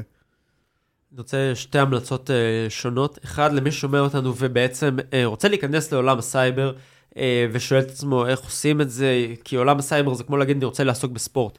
השאלה איזה ספורט אתה רוצה לעסוק. Uh, וגם איזה כיוון, אתה יכול להיות אתלט או מאמן או פיזיותרפיסט. בדיוק. או בדיוק. רוצה. כן. אה, אז אה, יש מסמך שהייתי שותף אליו שנקרא 100 ימים לסייבר, שהוא אה, שותף אה, בקוד פתוח. ו- שלח לי לינק. אה, כן, נשלח לך, אה, גם גיא מהחברה שלך כתב אה, פרק, אה, בעצם ה-CTO של פרופרו, ובעצם כל מי שרוצה כזה להיחשף לתחומים השונים יכול לקרוא את זה. הדבר השני אה, זה המלצה לארגונים, אה, קצת להשקיע, אני יודע שאני משוחד על מודיעין סייבר, אבל קצת יותר להשקיע בלהבין מי תוקף אותך ואיך להשקיע את המשאבים נכון, כי מתקפות יש מיליונים בכל יום, אה, תלוי איך אתה מגדיר מתקפה, אבל אם אתה יודע מי תוקף אותך ומה ה impact שהוא יכול לעשות, עזבו רק רגע את הכלים בצד, אה, בואו נדבר על ה impact, אז אה, באמת, מודיעין סייבר זה באמת מאוד מאוד חשוב להבין איך יכולים לתקוף אותך, אבל גם איך יכולים להשפיע עליך. ואם אה, מדברים על נושא הפרק, אז אה, הרבה חוקרות וחוקרים שחוקרים איומי סייבר של קבוצות, ויש הרבה סיפורים סביב זה, בשביל לקדם את עצמם עסקית ומסחרית וכדומה, שמים את השמות שלהם, וצריך לזכור שלפעמים זה ממש רמת מדינה אתם מתעסקים, או פושעים אה, מאוד אה, בכירים. תנסו כן לשמור על אנונימיות מסוימת, זאת אומרת, תמצאו את הדרך לא... אה, לשים את הכתובת שלכם באתר שלכם שבו אתם מפרסמים, איך עצרתם פשיעה במיליוני דולרים. כן, מספר חשבון בנק וכאלה. זהו, יש... הכתובת יותר מעניינת. אה. גם ישראלים מגיעים לזה יותר, זאת אומרת, יש את החברה שאמרתי, פרוף פוינט, הבן אדם שאחראי על הדוחות של האיראנים, מפרסם כל חודשיים אה, מחקר על עשרות קבוצות איראניות, עדיין, הוא גם חבר אישי שלי, עדיין טפו טפו טפו לא ספג כלום, ישראלים, בגלל שמתאר האיום הוא שעושים פה מבצעי השפעה מאוד גדולים, אז תזהרו. יש לזה השלכות. כן. זהו, ובנימה של יאללה, פה נסיים את הפרק. בסדר, לא פחות רלוונטי עכשיו. כן, אני צוחק, אני צוחק. ביי.